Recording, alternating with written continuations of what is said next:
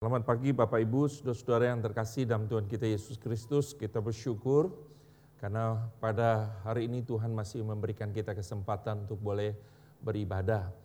Kita bersyukur kepada Tuhan, kita memasuki bulan Mei di minggu yang pertama. Saudara, kita berterima kasih karena Tuhan mengasihi kita dan khususnya pada hari ini kita tidak hanya ibadah tapi juga diberi kesempatan untuk ikut di dalam perjamuan kudus. Saudara-saudara bulan Mei kita akan membahas temanya bicara tentang keluarga. Jadi selama saudara eh, empat minggu kita akan bahas tentang keluarga. Lalu kemudian saudara minggu yang kelima kita akan berbicara tentang roh kudus. Bagaimana kita sadar bahwa sesungguhnya di dalam menjalani kehidupan berkeluarga itu tidak mudah kalau bukan karena pertolongan dari Allah roh kudus. Itu sebabnya bertepatan dengan hari Pentakosta kita juga akan berbicara tentang Allah roh kudus. Sudah pada hari ini kita akan membahas satu tema yaitu berbicara tentang enrich your family. Sudah mari kita bersama-sama kita berdoa minta pimpinan Tuhan. Tuhan Yesus kami bersyukur untuk segala kebaikan Tuhan dalam kehidupan kami. Terima kasih Tuhan pada pagi hari ini kami kembali meskipun di rumah kami masing-masing kami beribadah. Tapi kami boleh merasakan Tuhan kau hadir, engkau menyertai kehidupan kami. Pada hari ini Tuhan kami ingin mendengarkan kebenaran firman Tuhan. Berbicara kepada kami Tuhan melalui hambamu di tengah segala keterbatasannya. Kami mohon kiranya Allah Roh Kudus menerjemahkan dalam bahasa yang dapat dimengerti oleh setiap kami. Dengar doa kami dalam nama Tuhan kami Yesus Kristus. Kami berdoa dan kami ucap syukur. Amin. Saudara-saudara yang terkasih dalam Tuhan, pada pagi ini tema kita adalah enrich your family. Saudara kita akan buka Kolose pasal 3 ayat 12 sampai yang ke-17. Memang saudara-saudara ketika bahasa Indonesia enrich itu diterjemahkan saudara-saudara memperkaya, tapi bukan berbicara tentang materi tentunya pada hari ini, tapi kita akan berbicara mengenai kehidupan spiritual anggota keluarga kita bersama-sama. Sudah mari kita bersama-sama kita membuka kolose pasal 3. Sudah kita akan perhatikan ayat 12 sampai dengan yang ke-17. Demikian bunyi firman Tuhan. Karena itu sebagai orang-orang pilihan Allah yang dikuduskan dan dikasihinya. Kenakanlah belas kasihan, kemurahan, kerendahan hati, kelemah lembutan, dan kesabaran. Sabarlah kamu seorang terhadap yang lain dan ampunilah seorang akan yang lain apabila seorang menaruh dendam terhadap yang lain.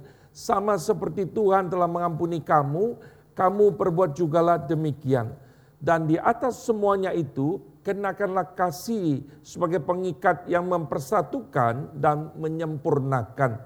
Hendaklah damai sejahtera Kristus memerintah dalam hatimu, karena untuk itulah kamu telah dipanggil menjadi satu tubuh dan bersyukurlah. Hendaklah perkataan Kristus diam dengan segala kekayaan di antara kamu, sehingga kamu dengan segala hikmat mengajar dan menegur seorang akan yang lain dan sambil menyanyikan mazmur dan puji-pujian dan nyanyian rohani kamu ucap syukur kepada Allah di dalam hatimu dan segala sesuatu yang kamu lakukan dengan perkataan atau perbuatan, lakukanlah semuanya itu dalam nama Tuhan Yesus sambil mengucap syukur oleh Dia kepada Allah Bapa kita. Sampai demikian jauh pembacaan firman Tuhan. Saudara-saudara pada tahun 1997 ada sebuah film yang sangat baik sekali Film ini saudara-saudara berjudul Life is Beautiful.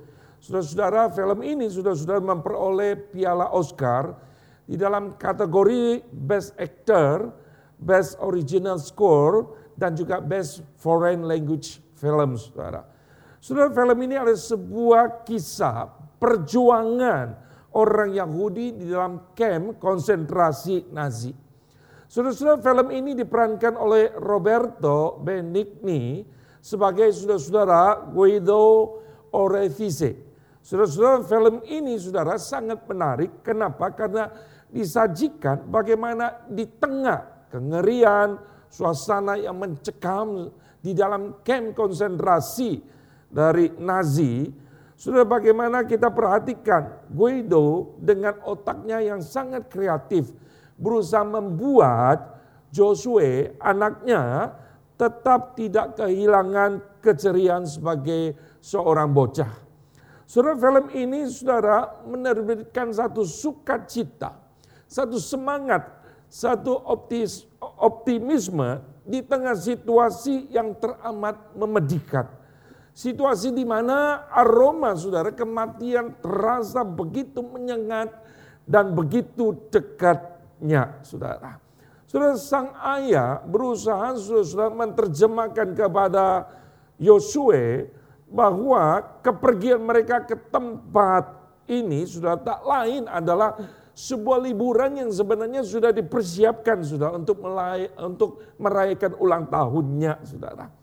Dan saudara-saudara yang sangat uh, menarik adalah saudara di dalam film ini saudara-saudara dikatakan bahwa bapaknya ini menjelaskan kepada anaknya ini ada sebuah permainan besar di mana mereka dan para tawanan lain saudara adalah peserta sedangkan orang-orang yang berseragam bersenjata dan berbahasa yang aneh di sana sini ada sebagai panitia dan sebagai pengawasnya. Jadi peraturan permainannya saudara adalah dikatakan mereka harus mengumpulkan poin mencapai angka seribu saudara untuk menjadi juara pertama dan mendapatkan grand prize berupa sebuah tank saudara. Saudara lepas dari perdebatan masalah berbohong dan lain-lain sebagainya. Yang mau saya katakan adalah begini saudara.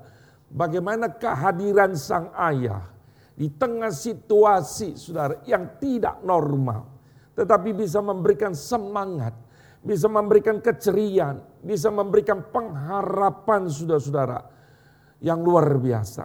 Sang ayah telah mengenrich anaknya. Nah saudara-saudara kembali kepada pembahasan kita. Kembali kepada firman Tuhan yang kita baca tadi. Saudara perikop ini memang berbicara tentang manusia baru sudah tetapi Paulus tidak berhenti pada manusia baru saudara. Paulus ingin menjelaskan saudara bahwa ini adalah sebuah awal kehidupan orang percaya. Orang percaya saudara tidak berhenti pada menjadi ciptaan baru. Seharusnya saudara perubahan status ini menghasilkan sebuah perubahan di dalam kehidupan pribadinya dalam kehidupan keluarganya dan juga kehidupan dengan sesama. Saudara, hidup orang percaya bukanlah abstrak saudara dan mengambang, enggak. Kehidupan orang percaya seharusnya bisa diaplikasikan saudara di dalam kehidupan komunal. Dalam kehidupan bersama saudara, dalam kehidupan berelasi satu dengan yang lain. Itu sebabnya saudara maka di dalam ayat yang ke-11 Paulus berkata begini. Dalam hal ini perhatikan tiada lagi orang Yunani atau orang Yahudi. Orang bersunat atau tak bersunat. Orang barbar atau orang skit. Budak atau orang merdeka. Tapi Kristus adalah semua dan di dalam segala sesuatu. Christ is all and is in all saudara. Kristus adalah semua dan saudara di dalam segala sesuatu, di dalam semuanya. Saudara-saudara, sebelum kita berbicara tentang enrich your family, saudara kita terlebih dahulu harus menjadi pribadi yang telah diubah, pribadi yang diisi oleh Tuhan. Saudara-saudara, perubahan status itu sangat penting sekali. Di dalam kalau pasal 3 ayat 12, sudah-sudah menjelaskan tentang status kita sekarang. Sudah Paulus membawa kita menyadari bagaimana kita mendapatkan status sekarang ini dan apa yang harus kita kerjakan dengan status yang kita peroleh, saudara. Saudara Paulus mengatakan bahwa kita ini adalah umat pilihan Allah. Kita adalah orang-orang kudus dan orang-orang yang dikasih Allah. Sudah penjelasan ini saudara dalam Kolose pasal 3 ayat 12 ini sejalan dengan apa yang dikatakan Paulus dalam Efesus pasal pertama ayat 4 sampai yang kelima. Paulus berkata begini, sebab di dalam dia Allah telah memilih kita sebelum dunia dijadikan. Supaya kita kudus dan tak bercacat di hadapannya dalam kasih ia telah menentukan kita dari semula oleh Yesus Kristus menjadi anak-anaknya sesuai dengan kerelaan kehendaknya. Sudah mengapa kata pilihan, kudus dan kasih begitu ditekankan oleh Rasul Paulus? Sudah karena tiga hal ini menyebabkan saudara perubahan status kita saudara. Dulu hidup kita dalam kegelapan. Sekarang kita hidup di dalam terang. Dulu kita hidup jauh dari Tuhan. Tapi kita sekarang dekat dengan Tuhan saudara. Perubahan status ini menyebabkan kita saudara menanggalkan saudara manusia lama kita dan mengenakan manusia baru. Perubahan status ini saudara diikuti dengan sebuah perubahan hidup. Jadi dengan kata lain saudara, perubahan status itu mendahului saudara perilaku saudara. So itu sebabnya kita memahami mengapa orang yang belum di dalam Kristus tidak mungkin saudara bisa berubah. Orang yang hidupnya belum di dijamah Tuhan. Tidak bisa sudah berperilaku seperti apa yang Tuhan mau. Bahkan sudah perhatikan, Orang yang sudah mengalami kasih karunia Tuhan. Tetapi tidak menaklukkan dirinya kepada Kristus. Hidupnya sudah tidak akan berdampak. Kenapa saudara? Karena ia saudara tidak punya bahan cerita dalam hidupnya. Bagaimana ia bisa menguatkan kerohanian, iman anggota keluarganya. Jika ia sendiri sudah saudara tidak saudara mempunyai kisah hidup bersama dengan Tuhan. Bagaimana ia bisa membagi hidup kerohaniannya, saudara? Jika ia sendiri pun kosong, saudara. Saudara, kisah wanita Samaria ada sebuah ilustrasi bagi saya yang sangat tepat untuk menggambarkan kehidupan kita. Saudara, ia punya kebutuhan pokok di dalam hidupnya, yaitu air. Kebutuhan ini sudah-sudah tidak bisa dikesampingkan karena ia mau hidup. Itu sebabnya saudari ia berusaha mencari waktu yang paling pas untuk tidak bertemu dengan siapa pun saudara. Saudara-saudara, ia tidak menyadari bahwa sesungguhnya dia punya sebuah kebutuhan yang jauh lebih penting dari kebutuhan pokoknya air saudara. Saudara wanita ini sesungguhnya saudara membutuhkan Tuhan. Sehingga saudara-saudara tidak heran ketika Yesus berjumpa dengan dia. Dan Yesus berkata dalam Yohanes 4 ayat 13 sampai 14. Barang siapa minum air ini, ia akan haus lagi. Tetapi barang siapa minum air yang akan kuberikan kepadanya, ia tidak akan haus untuk selama-lamanya. Sebaliknya air yang akan kuberikan kepadanya akan menjadi mata air dalam dirinya yang terus menerus memancar sampai kepada hidup yang kekal. Sudah pada waktu wanita ini mendengarkan apa yang Yesus katakan. Wanita Samaria ini langsung merespon dan dia berkata, Tuhan berikanlah aku air itu. Supaya aku tidak haus dan tidak usah datang lagi ke sini menimba air. Berikanlah aku air itu supaya aku tidak haus dan tidak usah datang lagi ke sini untuk menimba air. Sudah dia tidak mau berjumpa dengan banyak orang, saudara. Dia tahu tentang dirinya. Dia tahu status dirinya, saudara. Wanita Samaria ini, saudara, tidak akan mengalami perubahan perilaku sebelum ia mendapatkan air kehidupan di dalam dirinya. Perjumpaan dengan Kristus mengubah statusnya dari orang berdosa menjadi orang yang dibenarkan. Perjumpaan dengan Kristus telah membuat wanita ini saudara. Berani keluar, berani ke kota, berjumpa dengan banyak orang. Saudara, bagaimanakah dengan kita pada hari ini, saudara? Saudara, Tuhan tidak mau kita berhenti pada perubahan status. Tapi Tuhan ingin saudara-saudara kita melangkah lebih maju lagi. Kepada sebuah perubahan perilaku. Tuhan mau saudara-saudara kita melangkah kepada kehidupan yang real. Kehidupan yang aplikatif. Kehidupan yang bisa berrelasi dengan sesama saudara.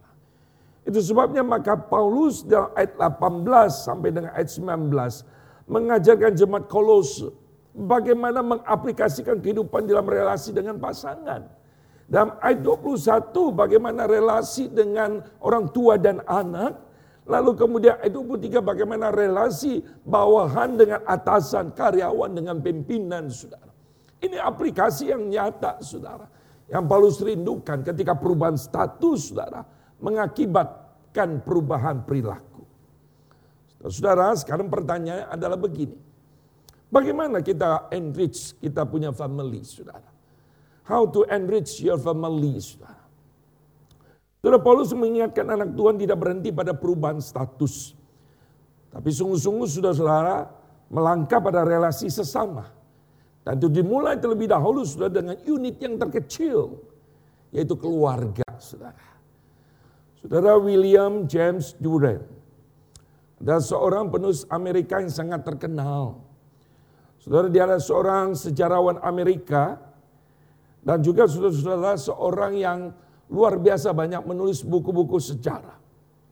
Saudara dia berkata begini, bahwa salah satu penyebab keruntuhan kerajaan Romawi yang begitu kokoh dan perkasa selama lebih dari seribu tahun adalah kehancuran moral keluarga. Kehancuran kerajaan Romawi yang begitu kokoh dan perkasa selama seribu tahun lebih saudara. Karena kehancuran moral keluarga. Itu sebabnya saudara dia berkata begini. The family is the necklace of civilizations. Keluarga adalah inti dari peradaban saudara. Itu sebabnya Paulus dengan tegas mengatakan kepada Timotius dan Titus. Salah satu syarat yang sangat penting seorang pelayan Tuhan. Ia harus bisa mengurus keluarganya dengan baik He must manage his own family well dikatakan. Ini penting sekali saudara. Saudara tentu saya menyadari bahwa kita bukan orang yang sempurna atau kita sudah sempurna. Buktinya saudara-saudara ketika kita menikah dulu atau kita baru mau mencari jodoh, kita cari pasangan yang baik. Yang bisa menolong kita, yang bisa melengkapi kita. Bukankah itu yang kita cari dulunya? Saudara kita sendiri tidak sempurna. Lalu saudara kita berharap setelah mendapatkan pasangan, kita bisa sempurna. Namun kenyataannya tidak demikian. Kenapa saudara-saudara? Karena kita tidak sempurna, menikah dengan orang yang tidak sempurna. Lalu kita dapat anak juga yang tidak sempurna. Bagaimana saudara-saudara kita bisa hidup di dalam kesempurnaannya? Sudah ternyata masalahnya ada di dalam diri kita yang harus lebih dahulu kita bereskan. Bukan masalah di pasangan kita, bukan masalah di anggota keluarga kita. Itu hal pertama yang perlu kita lakukan di dalam konteks Kolose pasal yang ketiga. Paulus berkata, put to death segala sesuatu yang duniawi. Ayat yang kelima, saudara. Matikan segala sesuatu yang duniawi. Saudara bahasa Indonesia sehari-hari menerjemahkan begini. Matikan keinginan-keinginan dunia yang merongrong dirimu, saudara.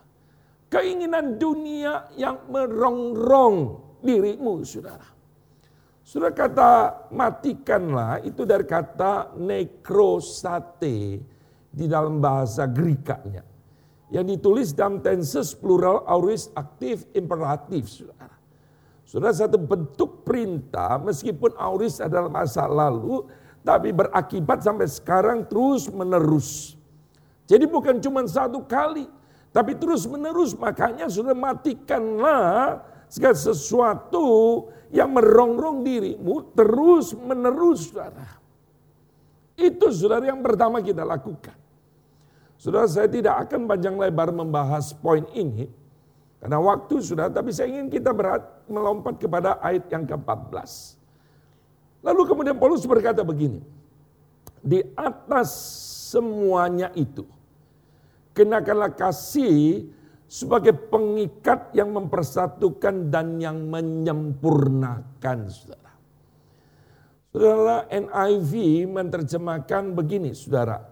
And over all these virtues, put on love, which bind them all together in perfect unity. Saudara-saudara meskipun di dalam bahasa Yunani-nya di ayat ini tidak ada kata kerja, kenakanlah. Tapi saudara-saudara karena ini satu kalimat yang utuh dengan ayat 12. Yaitu kenakanlah belas kasihan, kemurahan, kerendahan hati, kelemah lembutan dan kesabaran. Lalu Paulus saudara melanjutkan ke ayat 14, di atas semuanya ini, di atas segala kebajikan-kebajikan saudara. Ini penekanan. Di atas semua kebajikan-kebajikan ini. Kenakanlah kasih sebagai pengikat yang mempersatukan dan yang menyempurnakan. Saudara, belas kasihan itu baik. Kemurahan itu baik. Kerendahan hati itu baik. Kelemah lembatan itu baik. Kesabaran itu baik. Tapi kalau dari sisi manusia saja, tanpa diikat oleh kasih Kristus, maka tidak mungkin menjadi sempurna. Saudara, kasih Kristus itu berfungsi sebagai pengikat yang mempersatukan dan yang menyempurnakan di dalam ayat 14b. Saudara secara rufiah kata sundesmos testeleostos, saudara, eh, itu berarti pengikat kesempurnaan. Saudara ingat kata teleos tetos, kita ingat kata Tuhan Yesus berkata tetelestai. Artinya sudah selesai, sudah sempurna. Maka saudara-saudara kasih Kristus yang mengikat itu yang sudah perfect, yang sudah sempurna saudara. Maka kemudian King James Version menerjemahkan pengikat kesempurnaan. Itu kasih Kristus saudara. Kalau saudara-saudara melihat terjemahan yang lain ada menerjemahkan perfect harmony atau sesungguhnya perfect unity saudara. Saudara kenapa kita butuh pengikat kesempurnaan? Karena saudara-saudara kasih manusia tidak akan pernah cukup saudara. Menciptakan keharmonisan atau kesatuan yang sempurna saudara. Saudara masing-masing orang hanya bisa menyodorkan kasih yang tidak sempurna. Saya menyodorkan kasih, kasih saya tidak sempurna. Istri menyodorkan kasih, kasih yang tidak sempurna. Anak menyodorkan kasih, kasih tidak sempurna. Mertua menyodorkan kasih, menantu menyodorkan kasih, kasih yang tidak sempurna. Yang terbatas oleh waktu dan juga terbatas dalam kualitas. Saudara, saya belajar bersyukur kepada Tuhan dalam masa-masa seperti sekarang ini. Masa di mana Tuhan penuh belas kasihan kepada saya secara pribadi. Saudara, saya belajar untuk pause dari sekarang kesibukan pelayanan saya walaupun sekarang sudah saya lebih sibuk karena ada banyak penyesuaian. Sampai rekan-rekan saya godain saya, wah musuh mau jadi youtuber. Bukan saudara. Namun saya bisa melewati hari-hari bersama dengan keluarga. Bisa melayani jemaat dan juga bisa melayani bersama dengan keluarga. Saya bisa bercanda bersama dengan anak-anak. Saya bisa bermain dengan mereka. Dan saya berkata kepada mereka kemarin, papi itu sudah jadi koki selama satu setengah bulan di rumah. Setelah kita bisa makan bersama, makan pagi, makan malam, kita bisa sharing bersama, bahkan kita bisa buat kue bersama. Jadi lumayan saudara-saudara masakan saya, saudara, kalau mau order boleh silahkan. Enggak, saudara, ini bercanda, saudara. Tapi saudara-saudara, selama ini saudara-saudara, saya ini jadi lebih tahu apa yang sedang mereka gumulkan, apa yang sedang dihadapi oleh anak-anak saya. Dunia bagaimana saudara-saudara bisa mempengaruhi mereka dan membutuhkan kehadiran saya di tengah-tengah kehidupan mereka. Minggu yang lalu anak saya yang pertama WA saya saudara-saudara. Di tengah kesibukan saya, saya lagi rekaman saudara. Saudara saya tidak sempat langsung jawab WA-nya, tapi waktu setelah lewat mungkin sejam lebih saya baru lihat WA-nya dan saya kaget. Sudah dia tulis begini, aku bosan. Sekolah online, nggak ada temen. Jadinya bosan.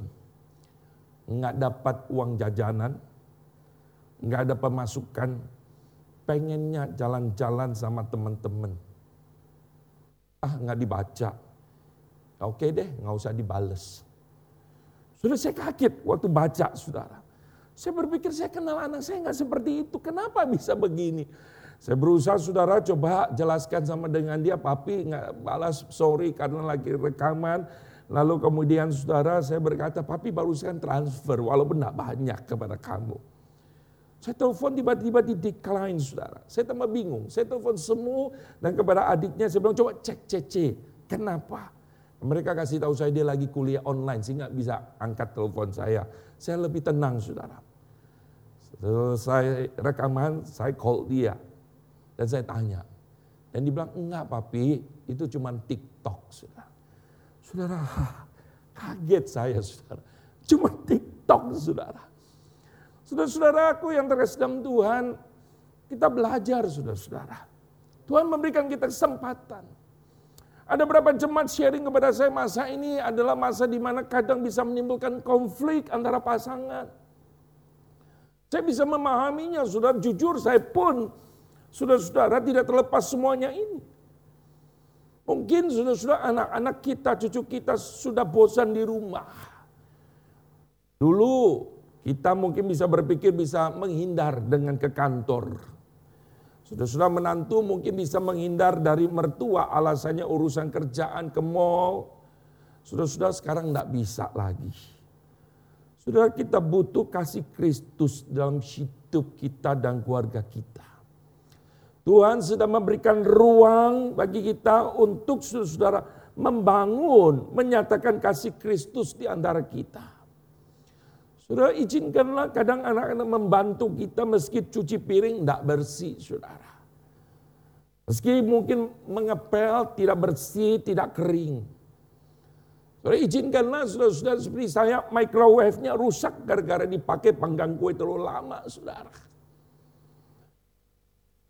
Saudara, ada harga yang jauh lebih bernilai daripada ngomel bukan? Ada harga yang lebih bernilai daripada kita marah ribut kita mesti bersyukur sudah menikmati berkat yang Tuhan berikan. Kesempatan ini sudah tidak akan pernah akan kembali lagi seumur hidup kita saudara. Hanya satu kali saja kita mengalaminya.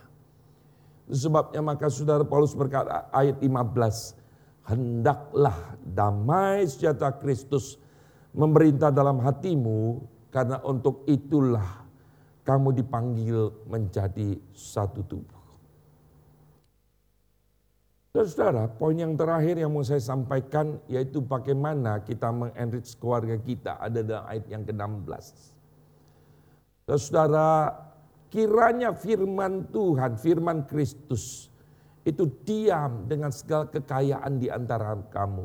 Let the word of Christ dwell in you richly. Hendaklah perkataan Kristus diam dengan segala kekayaan di antara kamu. Sehingga kamu dengan segala hikmat mengajar dan menegur seorang akan yang lain. Dan sambil menyanyikan mazmur dan puji-pujian dan nyanyian rohani. Kamu mengucap syukur pada Allah di dalam hatimu. Saudara-saudara di dalam bahasa Grikanya sudah saya ingin bacakan buat saudara. Dipakai kata saudara hologos to Christo enoiketo en humin plosios. Hendaklah firman dari Kristus. Perhatikan. Diam terus menerus di antara kamu dengan limpah. Sudah dipakai kata tenses present, aktif, imperatif. Sebuah perintah yang present, yang terus menerus loh saudara. Hendak diam terus menerus saudara. Ini penting sekali. Saudara kata diam ini dipakai lima kali dalam perjanjian baru. Dan dari lima kali, empat kalinya sudah-sudah diterjemahkan diam dalam kaitan dengan Allah dan roh kudus. Saudara. Misalnya dalam Roma 8.11 Paulus berkata roh kudus diam di dalam kamu. Saudara 2 Timotius pasal 1 14 dikatakan roh kudus yang diam di dalam kita.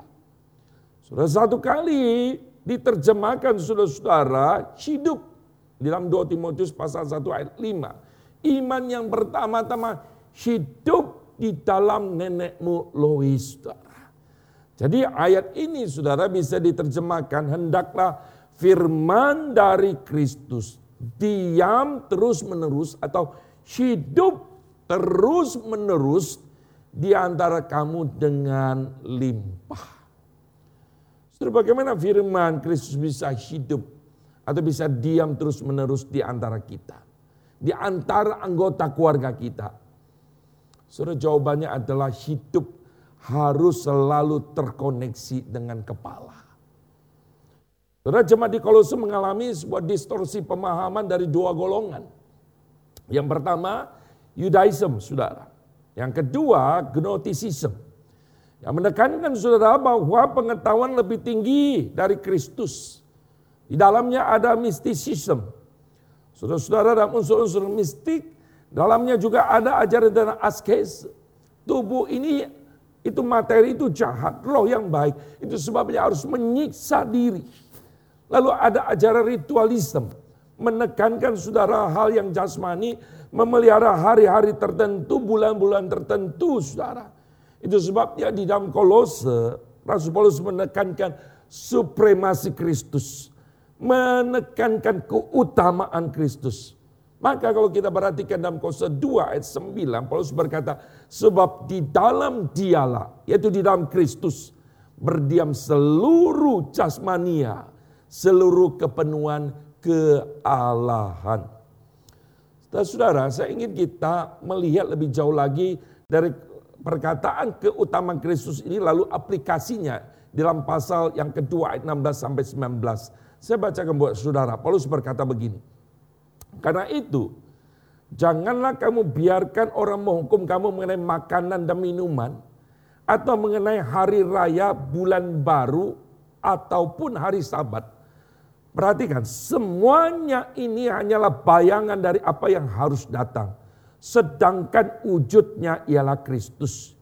Janganlah kamu biarkan kemenanganmu digagalkan oleh orang yang pura-pura merendahkan diri dan beribadah kepada malaikat, serta berkanjang dalam penglihatan-penglihatan, dan tanpa alasan membesarkan-besarkan diri oleh pikirannya yang duniawi.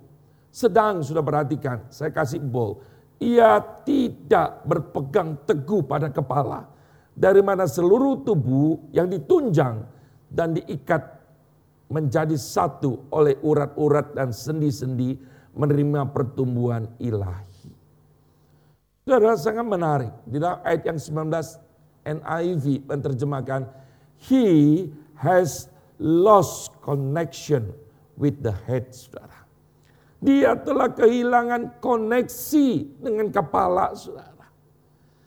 Saudara kita semua berada dalam kondisi yang tidak nyaman atau tidak normal pada saat ini, saudara. Banyak dari antara kita itu work from home. Kondisi dulu kita hanya bertemu secara fisik beberapa jam dengan anggota keluarga kita, dengan pasangan kita, dengan anak kita, dengan mertua kita, dengan menantu kita mungkin. Tetapi sekarang saudara-saudara, mungkin saudara kita lebih sering bertemu dengan mereka. Kecuali saudara-saudara kita sedang tidur dan kita sedang ke belakang saudara. Saudara, jika hidup kita tidak terkoneksi dengan kepala terus-menerus, seluruh sendi kehidupan kita akan goyah dan kolaps.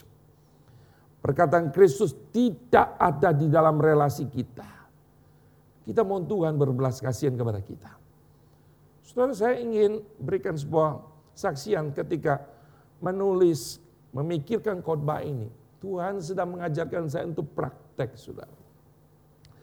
Saudara, saya katakan tadi, seperti biasa saya masak. Saudara-saudara, saya semalam saya berpikir karena besok harus khotbah, jadi saya berpikir besok pagi anak-anak makan apa. Ya saya pikir masak sederhana saja buat bakso, saudara. Saya beli tulang, ada sum-sumnya, saya godok dulu malam sambil saya persiapkan khotbah. Saya usahakan terus, saudara, sampai malam. Saya lihat dan berusaha saya korek, keluar sum-sumnya saya taruh. Saya pikir besok pagi supaya gampang. Saudara pagi-pagi bangun saya tahu semua saya turun dulu, saya masih ada di kamar, saudara sambil membaca-baca nas khotbah. Lalu saya pikir waktu sudah sampai saya turun ke bawah. Saya kaget saudara saya lihat gimana tadi sumsumnya yang sudah saya siapkan tadi. Semua saya bilang itu lemak saya buang semua. Sudah saya bilang itu bukan lemak. Kemudian saudara-saudara saya ingat. Hendaklah perkataan Kristus diam dengan segala kelimpahan atau hidup di antara kamu secara berkelimpahan atau dengan limpahnya Saudara-saudara saya berhenti. Dan ada sesuatu yang jauh lebih penting sebenarnya. Perkataan Kristus diam di antara kamu dengan limpahnya. Perkataan Kristus itu sungguh-sungguh hidup saudara. Saudara itulah yang menolong relasi kita, yang memperkaya, yang enrich saudara hubungan kita. Saudara gunakan perkataan Kristus membangun sesama anggota keluarga kita. Ketika kita mengajar anak-anak kita. Biar perkataan Kristus yang membangun, menolong kita. Ketika kita menasihati, ketika kita memberitahu anak-anak kita yang salah dalam cuci piring, membantu kita membersihkan rumah. Kiranya sudah perkataan Kristus ada di dalamnya saudara. Sudah saya berdoa. Agar Tuhan menolong kita Menjadi pribadi yang bisa enrich keluarga kita. Dengan kebenaran firman Tuhan. Meskipun dalam situasi kondisi yang tidak normal. Tapi justru itu mendatangkan kebaikan dan pertumbuhan rohani di antara sesama anggota kita. Tuhan memberkati kita sekalian. Amin.